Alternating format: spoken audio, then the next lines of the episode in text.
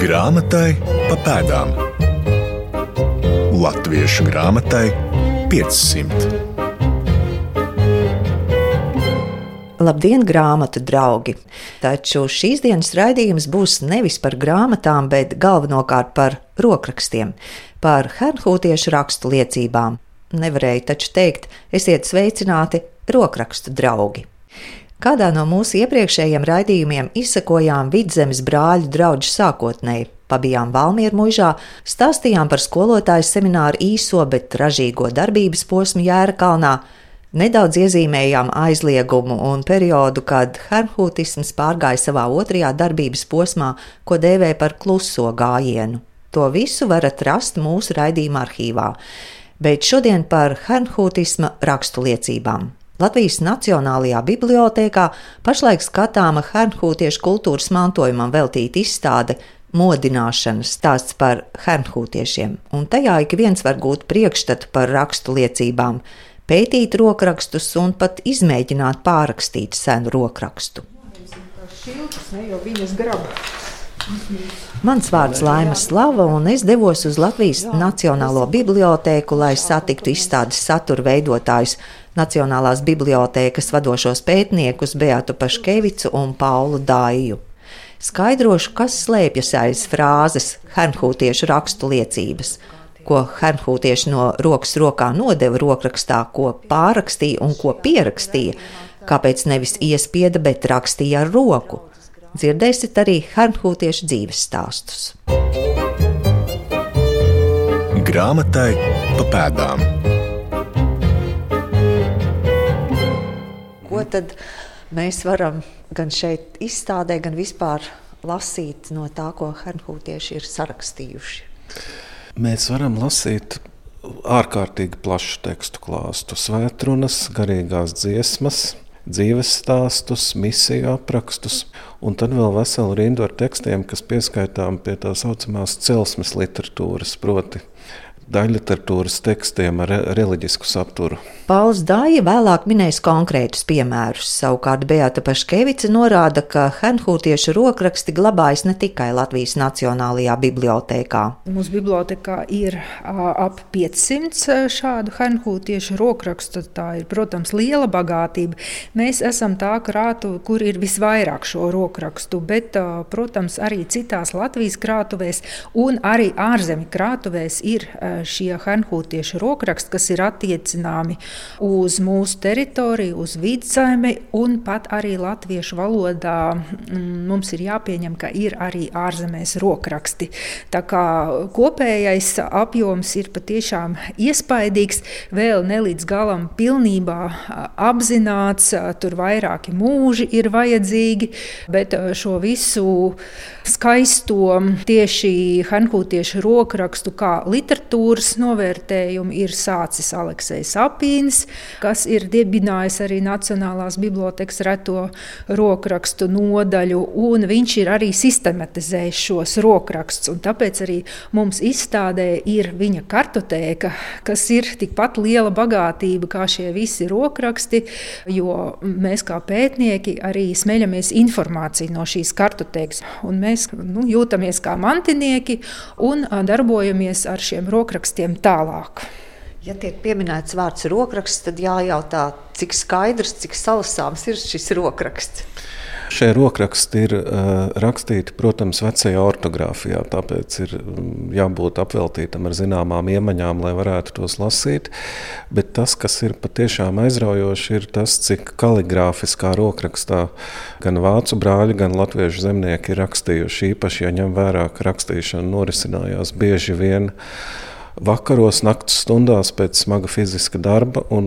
Pati rakstīšana arī bija iespējams smagāks darbs nekā mums šodien. Tad šis kaligrāfiskais rokraksts ir vērtība pats par sevi. Un vācu brāļi viņi uh, rakstīja vācu valodā vai tie teksti ir arī latviešu? Ir gan, gan. Protams, arī vācu brāļi jau bija tie, nu, kuri būtībā iesāka šo rakstīšanu.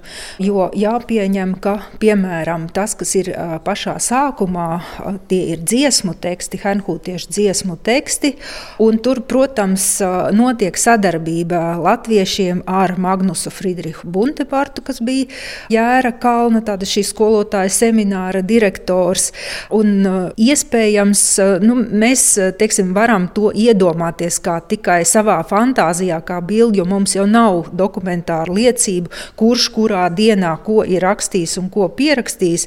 Bet iespējams, ka tā ir arī viņa iniciatīva. Viņš teiksim, mēģina pierakstīt latviešu valodā šo tekstu, iesaistās viņa skolnieki, iesaistās arī tulkojumā viņa skolnieki, un tā top šis kolektīvais darbs. Teoloģijas pētnieki lasot lasot hernhūtiešu tekstus, pamanītu kaut ko vienu, literatūras zinātnieki citu un vēsturnieki vēl citu. Teksti ir ļoti daudzbalsīgi, pilni ar dažādiem interpretācijas līmeņiem, uzsver literatūras zinātnieks Pauls Dāja. Man pašam vistuvākais tekstu žanrs ir hernhūtiešu dzīves stāsti.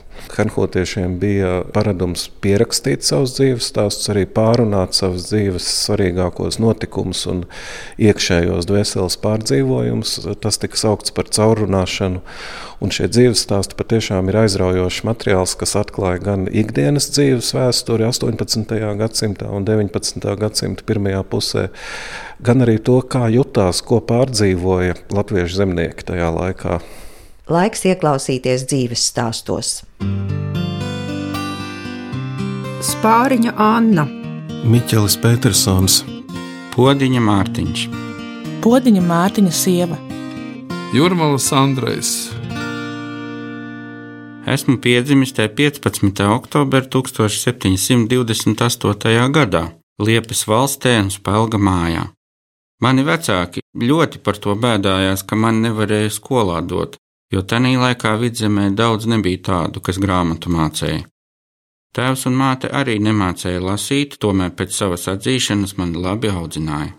Es viens bērns no klusas dabas biju un tapu mīļots no maniem vecākiem un citiem cilvēkiem, par ko es mierīgs un priecīgs paliku. Arī tika iekšām bērnu sajiešanas stundām no tā runāts, ka katrs bērns varot pats ar to mīļo pestītāju runāt, viņu lūgt un ar viņam sūdzēt, ko viņš sev par trūkumu vien atrod. Es gan to dzirdēju, bet neatradu pie sevis, iepšu trūkumu pilns biju. Gadījās 1810. gadā, kad caur grūtu slimību ar vienu atstiņu, un pēc trim gadiem atkal ar otru palika gluži neredzīga. Bez acu gaismiņas palikusi, maz bēdājās, kā pasaulē caur tikšot, kā maizīti pelnīšot, bet tās lielākās bēdas bija, kā nu uz baznīcu tikšot, kas nu uz sajiešanām vedīšot.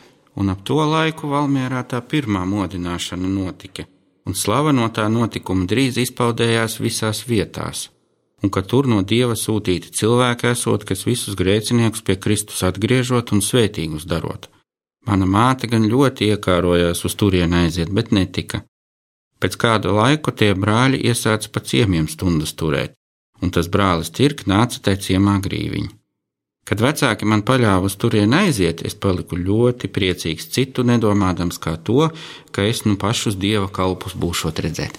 Katrā dzīves stāstā mēs redzam to, ko droši vien arī, ja mēs paši rakstītu savus dzīves stāstus, mēs varētu iztēloties, proti, transformācijas pieredzi, pārmaiņu brīdi, kas Hanhūtiešiem bija ļoti svarīgs līdz ar uzņemšanu draudzē, kad viņiem sākās pilnīgi jauna dzīve. Vai šajos dzīves stāstos atspoguļojas arī tas brāļu draugu sākuma posms, par ko mēs iepriekš raidījumā runājām, esot Valmierā? Atspoguļojās gan un diezgan lielā mērā. Viens no slavenākajiem dzīves stāstiem, ko jau ir arī daļai izdevis Aleksis Apīns, tas ir Skangaļa jēkabs. Un Skangaļa jēkabs tieši piedzīvo šo Buntebarta mācīšanu dzimšanu. Viņš ir tik ļoti aizrāvies, ka tad, kad viņu piespiedu kārtā būtībā ved uz Pēterburgu, uz Bīrona galmu, tad viņš raudot ar milzīgām žēlabām negrib šķirties, jo tikko viņam ir pavērusies šī jaunā pasaule, kur acīm redzot viņš ir kopā ar citiem jauniešiem un šī jaunā dzīve, un tā viņam ir jābrauc prom. Jā, Skangaļa jēkab dzīves stāstā mēs arī varam izlasīt, ka tad, kad viņš ir kalpojis jau Bīrona galmā un dabūjis gan slimību, gan brīvības grāmatu, abus vienlaicīgi viņš atgriežas atpakaļ Valmierā, Valmiera muižā un sastop atkal Buntebartu. Un tas viņam ir atkal tāds milzu piedzīvojums, un pēc tam, protams, sākās viņa gaitas, tālāk uz Hernhūti viņš brauc un pievienojās vācu brāļiem un savu dzīvi beidz kā ziepju fabrikants Zeistā, Nīderlandē. Arī citu hernhūtiešu dzīves stāsti ir nemazāk raibi un piedzīvojumiem bagāti. 1778. gadā mūsu draudzes sajiešanas nams no ienaidniekiem tika izpostīts mērķa mēneša iesākumā. Visām kārtām tas bija par grūtām bēdām, bet tas kungs mums dāvināja bagātu un auglīgu ziedu laiciņu, kad no mērķa līdz novembra beigumam kaut kur mežā kopā sēdējām. Augusta mēnesī draudzes uzņemšana arī notika turpat, un pie visām kārtām 46 dvēseles tika uzņemtas. Mans laulāts draugs nu vājš palika, ka vairs nespēja nedz amatā strādāt, nedz sajiešanā iet. Kad drusciņš labāk bija palicis, viņš uz robežiem aizbrauca, kādus draugus apmeklēt, kas uz turieni no mums bija aizgājuši dzīvot. Es tiku aizkavēta viņam līdzi braukt.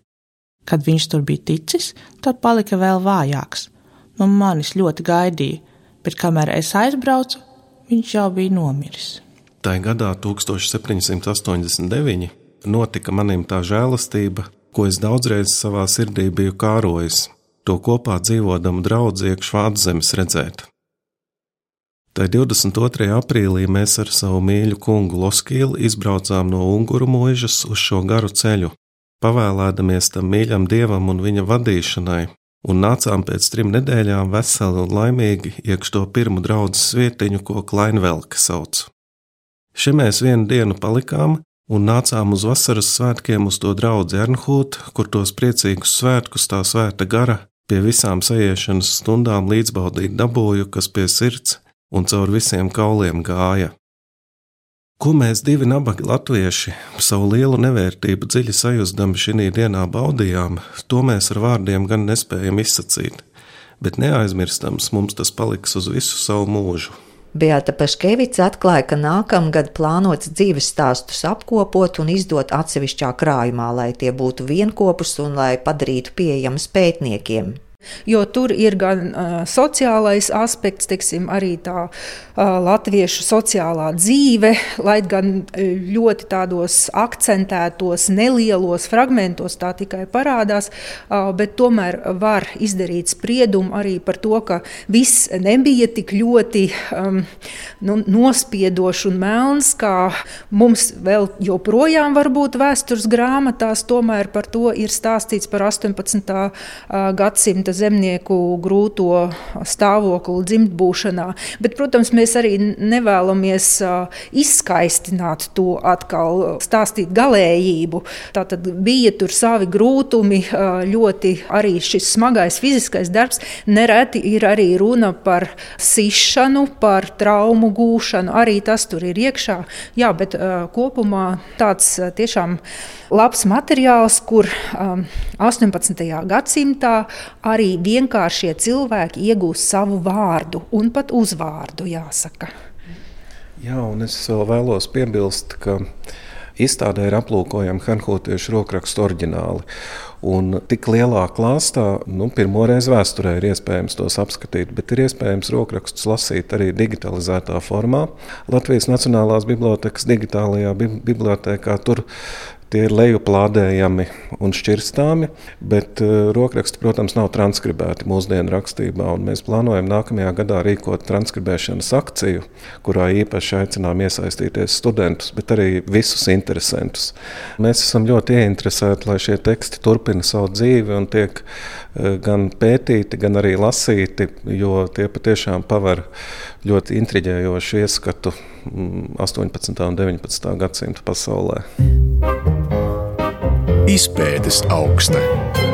Modināšana ir galvenā pieredze dzīves stāstos, un nevelti arī izstādes nosaukumā. Izstādes veidotāji iedvesmojušies, un viņiem daudz palīdzējis vēsturnieks Gvido Straube, kurš rakstījis, ka Hernhūtiešu kustība bija kā modinātājs vans, lai latvietis savā zemē sāktu celties, domāt, arī tiekties pēc brīvības. Šajā brīdī arī es piedāvāju uzklausīt Gvido Straubi. Dabiski uh, turās pie tām pašām Lutera idejām, Bībele tā ir tā galvenā lieta. Tas, ko viņi varbūt ienes uh, no sevis uh, šajā visā pasākumā, nu, tā viena lieta ir krietni lielākā apmērā dziedāšana. Tā viņiem ļoti tipiska lieta. Turklāt ne tikai šajās sajiešanās, kas nu, ir tās nosacītas dievkalpojums, bet faktiski viņi rīko arī speciāli dziedāšanas stundas, kur tad veselu stundu rauj vaļā kā tādā estrādes koncertā šīs te, uh, dziesmas baznīcas, uh, turklāt tādā krietni priecīgākā noskaņojumā nekā to dara šodien mūsu Lutheriskā baznīcā, kur tā dziedāšana ļoti žēlīga un kad ir izvēle jāraud. Jā. Brāļi raudz dzied priecīgi. Un, un tagad, pat ja mēs šodien aizbraucam uz Hanhūtu un aiziet uz dziedāšanas stundu, tad nu, Rēmons Pauls laikam teikt, o, te ir tāds šlāgera koncerts gan arī, vai tikai dzied baznīcas dziesmu. Tas ir viens. Otrs ir ļoti liels uzsvars ir uz visu uh, baznīcām, visu sanākušo, visas draudzes līdzdalību. Tur nav tā, ka tikai viens var kaut ko, respektīvi mācītājs, kā ir klasiskajā baznīcā, bet faktiski ik viens jūt, ir iedomājies, ka caur viņu runā Dievs, tad viņš var celties, runāt, uh, uzrunāt savus, savus brāļus un māsas, tas nav nekas slikts dabisku laikā. Izveidojās tāda hierarhija, uh, Ja, bet arī pašā laikā šī te, uh, aktīvā līdzdarbošanās ir krietni plašāka. Turklāt tas sadalījums uh, brāļa draudzēs ir viena kopiena kaut kādā uh, reģionā, bet tā iekšā dalās pa vairākām grupām, respektīvi. Uh, ir pēc vecuma, ir, ir bērnu kopas, ir jauniešu kopas, ir precēto vīriešu, sieviešu un, un, un veco uh, kopas. Un tās arī rīko savas sapulces. Līdz ar to šo sapulču rīkošanā jau arī darbojās tie paši zemnieki. Tur ir tā sociālā darba un organizatoriskā darba pieredze tiek iegūta. Ja, tāpēc varbūt vidzemnieki ir tādi nedaudz trakāki, ka viņi uh, nu, aktīvi dažādos pasākumos, un viņi tie, kas pirmie varbūt sāk arī buntoties 19. gadsimtā, kaut vai atcerēsimies Kauguru nemierus. Ja. To tur, tur sāk parādīties līderi, ja, tā ir tā arī labā pieredze. Tad dabiski nu, to, ko arī nosaka viņa statūti, ir ļoti liels uzsvars uz, uz labdarību, uz palīdzēšanu. Ja tur pat statūtos ir teikts, ka, ja tu redzi, ka kādam ir problēma un tu nepalīdzi, tad tu esi grēcinieks. Un, un to var arī šodien Hanhūtē izbaudīt. Tas, kas pirmoreiz ierados Hanhūtē, vēl, tā, kad vēl padomu savienība nebija īsti sabrukusi.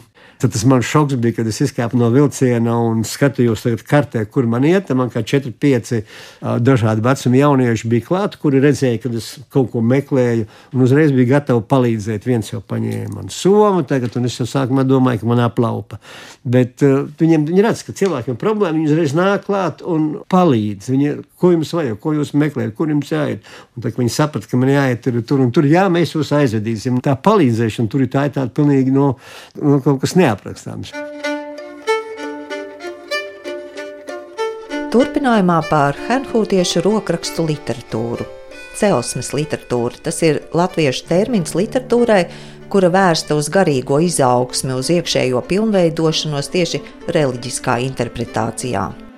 Arī šī celsmes literatūra, kuru pieminēja Pauls Dāja, ir ļoti interesanta un tā vēl ir maz pētīta, jo tur, piemēram, ir saglabājušies arī apokrifisko tekstu tulkojumi, tātad Bībeles šo te svēto rakstu apokrifi, kur īsti pat nav zināms, kā tie ir nonākuši līdz vidzemei.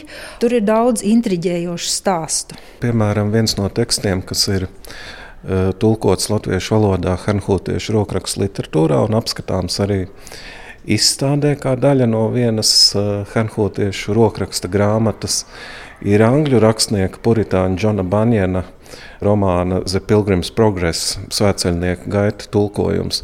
Tad jau 18. gadsimta nogalē tas ir cirkulējis latviešu valodā rokrakstos. Un kas man šķiet ārkārtīgi interesanti, šo tekstu lasīja Jānis Ruģēns, latviešu dzēnieks un skolotājs, arī Hanhūtiešu ģimenes atvas. Un viņš uzrakstīja pats savu darbu, ar acīm redzētu ceļš uz vidzemes debesīm, kurā viņš sapludināja kopā Banjēna romāna sižetu ar garlību Merķeļa latviešu un vidzemes senatnes e, darbos paustajām idejām un tādējādi izklāstīja latviešu vēsturi kā svētceļojumu. Šī celsmes literatūra tā bija arī kāda jauna darba radīšana. Jā, īstenībā Hanhūtiešu rakstīšana bija ārkārtīgi interesanta. Tā atradās uz robežas starp tulkošanu un sacerēšanu, pārrakstīšanu, norakstīšanu.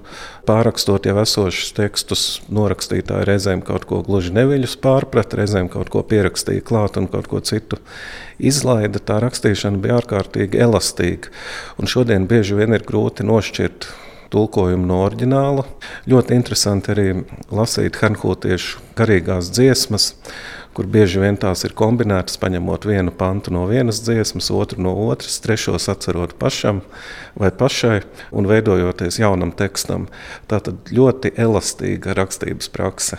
Nu, celsmes literatūra, protams, tā ir kristīgā literatūra un jā, tā aplūko nu, dvēseles labklāšanu un visādos veidos, bet arī nu, mēs kaut kādā mērā arī Dantes dievišķā komēdija ir celsmes literatūra un līdz 18. gadsimta vidum tas bija noteicošais daļliteratūras žanrs vispār Eiropā.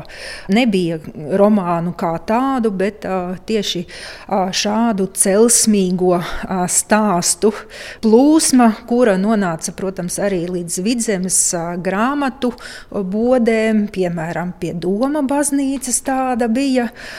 Un uh, tā arī izplatījās latviešu šajos tulkojumos, kas bieži ir arī adaptācijas. Un patiešām, kā arī Pauls minēja, tas ir ļoti radošs process, arī šis tulkojums, jo ne viss no teksta tika paņemts, tika paņemti varbūt tie momenti, kuri patika pašam tulkotājam labāk. Teiksim, viņam tajā laikā bija daudz lielāka brīvība nekā šobrīd ir tulkotājam, kuram tomēr ir jāturās pie šī oriģināla teksta.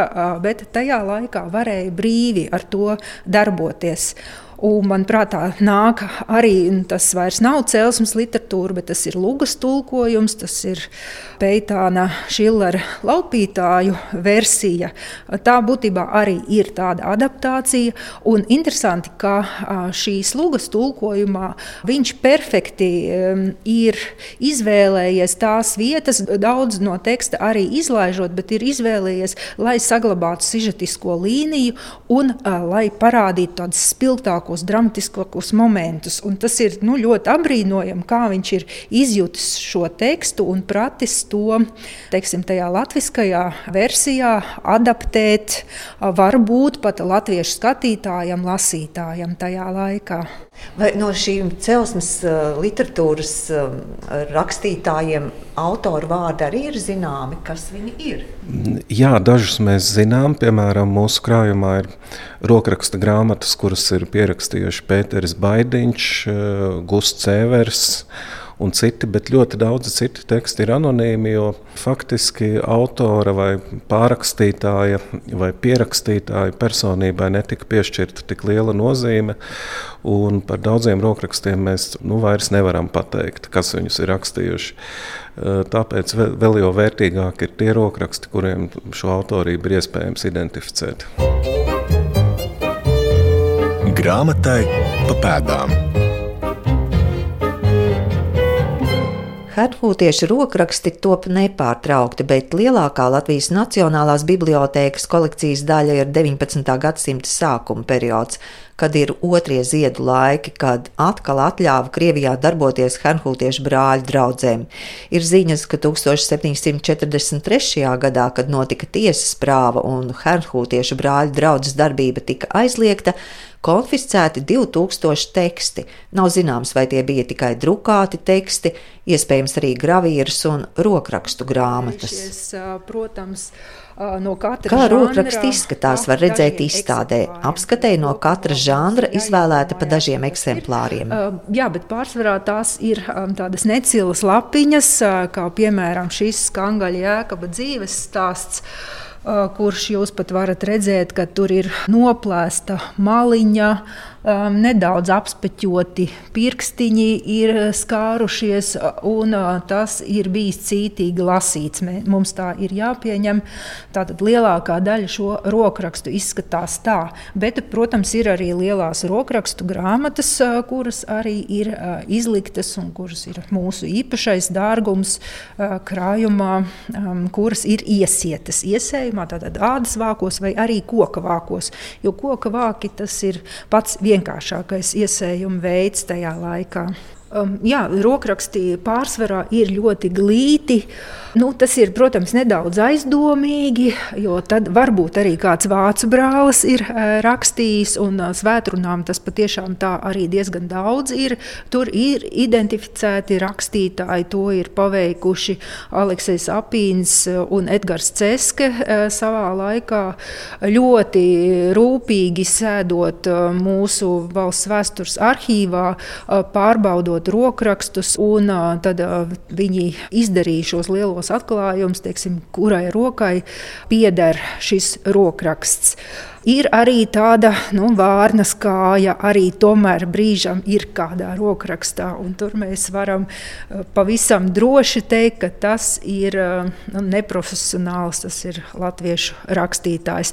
Bet uh, nebūtu ne visi latviešu rokraksti ir nelīdzeni un neglīti, jo, kā mēs saprotam, spalvu turēt rokā mācījās kārtīgi, un šī skaistā rakstīšana bija viens no izglītības izglītības nosacījumiem. Atklājam tekstus! Jā, mēs varam arī vienu no rokrakstiem apskatīt tuvāk. Mēs esam pirmo lapusi no Pētera Baidiņa rokraksta grāmatas uzdrukājuši uz sienas un varam mēģināt kopā izlasīt, ar kādiem vārdiem šī grāmata sākas. Mīļi lasītāji! Šeit ir kādi jauki stāsti sarakstīti, kas brīnum labi pēc lasīšanas, un ik viens, kas viņus lasīs, priecāsies to dzirdēt. Nebūs domāt, ka šie divi stāsti ir notikuši un tiesa. Tas ar acīm redzēts ceļš uz debesīm, ir viena brīnuma jauka līdzība. Šeit ir redzams tinta straips, bet kopumā rokraksts ir ļoti glīts un kaligrāfisks. Vajag tikai pierast pie vecās ortogrāfijas, un tad, tad ir iespējams lasīt un iejusties tajā pasaulē. Gribēju vērst arī piemēram jūsu uzmanību uz misijas aprakstiem, misijas apraksti no svešām zemēm. Bija zināmā mērā arī geogrāfijas stunda latviešu hernhūtiešiem un, protams, arī Viņi apzinājās to, ka viņi pasaulē nav vienīgie, jo mm, Hernhūtisms jau bija transnacionāla organizācija, būtībā tāds globāls tīkls. Viņiem jau bija nu, 19. gadsimtā pilnīgi noteikti jau izveidojies. Un, kas man bija ļoti interesanti, mm, lasot, piemēram, misijas ziņas no Labradoras zemes, iznāk tā, ka šajā misijā, kur tiek sūtīta grāmata, grāmatiņa. Tātad grāmatiņa eh, latviešu valodā agrāk nozīmēja vēstuli arī, un šī eh, vēstule tika atsūtīta droši vien uz Vāciju, uz Hernhūti, pēc tam no Hernhūtes pārsūtīta šeit uz Vidzemi, tulkota latviešu valodā 19. gadsimta sākumā, un tad tā tika lasīta sajiešanās. Un šajās misijas ziņās, jeb misiones ziņas no Labradoras zemes, mēs uzzinājām, uzzinām arī to, ka Karls Straugots Augusts Freitāks bija Augusta Freitāga no jaunlaicenes dēls, un viņš atrodas šajā Labradoru zemē un raksta par to, kā viņiem, kā misionāriem, klājas, kādas grūtības ir jāpārvar, kā viņi sadarbojās ar eskimoeriem. Tas ir tā brīža vārds, kā tiek sūtīti žāvēti āboli no Hernhūtes uz Labradoru, kur tas ir milzu gardums, jo, protams, nav viņiem tik jauko augļu un cik grūta ir sadzīve roņu zvejā, teiksim, kāda ir māja, un šādas lietas tiek aprakstītas. Es iedomājos, ka nu, teiksim, vidzemē tas tika lasīts ar īpašu sirds mīlestību, jo tomēr tajā misijā bija viens no mūsējiem. Visi rokraksti, protams, nav izpētīti. Tur vairākām paudzēm darbs uzsver Beata Paškevica, taču viņas pētniecības lokā nonācis arī dziesmu tekstu kopojums. Pirms Jāņu laikā es lasīju miršanas dziesmas, jo tur ir vairāk par kādi 200 teksti, tās dziesmas, kuras dzied pie aizgājēja. Un tas arī bija ļoti interesants materiāls, dažādās variācijās, protams, arī kristīgi teksti, bet kaut kādā ziņā tas protams, arī tiem ir saistība ar tautas kultūru, jo tur varbūt arī saikne ar tautas dziesmu katrā ziņā es viņu tur tā ieraudzīju. Un, protams, arī interesanti bija, ka daudzām dziesmām bija kā jau mēs arī kādreiz esam rakstījuši dziesmu kladēs, bija rakstīts Jāņa meldijā. Tad bija Jānis, kurš varbūt darināja šīs melodijas, un visi zināja, ka tas ir jādzied Jāņa meldijā. Tā kā tāds interesants materiāls arī. Sarunā par vidzemes brāļa draugu sākotni vēsturnieks Gvido Straube pieskārās arī hernhūtiešu dziesmu tekstiem. Tas, par ko pārmet eh, brāļa draudzē eh, mūsu folkloristi, ka tādos tipiski hernhūtiskajos apvidos ļoti maz saglabājušās tautas dziesmas. Eh, nu, bet man kaut kā negribas šo pārmetumu tā pilnībā pieņemt, jo faktiski jau mēs redzam, ka brāļa draugs vienkārši vinē to veco sabiedrību, kas varbūt balstās uz tautas dziesmām, ar kaut ko modernāku, jaunāku, muzikālāku. Un tā, nu, tā, ir, tā ir konkurence. Nu, tā nu, konkurence pastāv uh, kopš seniem laikiem, un uh, joprojām un to neviens nevar laikam atcelt un izskaust. Līdz ar to pārmest, ka ar kaut kādu labāku dziedāšanu viņi izkonkurē tās, uh, kā mācītāji teica, blēņu dziesmas un, un, un, un tautas dziesmas nepareizās, nu, tas, tas man tā liekas, ir nedaudz tā, tā doma. Tā, tā ir tāda progresa noliekšana. Vienkārši. Tad var teikt, ne, nu, tu brauksim joprojām ar tvaika lokomotīviem un nerakstīsim uz kompjutera, bet uz rakstāmašīnas, jeb roku, jo nu, tā darīja arī mūsu senči. Grāmatai pa pēdām. Viens no galvenajiem jautājumiem, kāpēc herhūtieši rakstīja ar roku, kāpēc neiespieda grāmatas. Atbildi uz šo jautājumu sniedz Pauls Dāja. Tas gluži tā nebija, ka viņi būtu pret grāmatu iespiešanu, piemēram, garīgās dziesmas. Ir izdotas arī grāmatās, un vairākas šādas dziesmu grāmatiņas arī apskatāmas mūsu izstādē. Bet, kā jau Beāta teica, Hernhūtieši darbojās pagrīdē, aizlieguma apstākļos un pat Tad, kad aizlieguma nebija, viņiem vienalga nācās saskarties ar apkārtējās sabiedrības neizpratni, bieži vien arī noliegumu. Un tāpēc viņiem bija svarīgi saglabāt slepenību. Šie rokraksti nebija, nebija domāti svešām acīm, bet gan iekšējai lietošanai. Rakstīšana ar roku bija arī ātrāka. Tekstu pārrakstīšana nekā iespiešana grāmatās ļāva apiet cenzūru. Un pats galvenais, kā jau teicu, ļāva saglabāt šo slepenību. Nu, šobrīd visi šie teksti mums ir apskatāmi un mēs varam tos lasīt.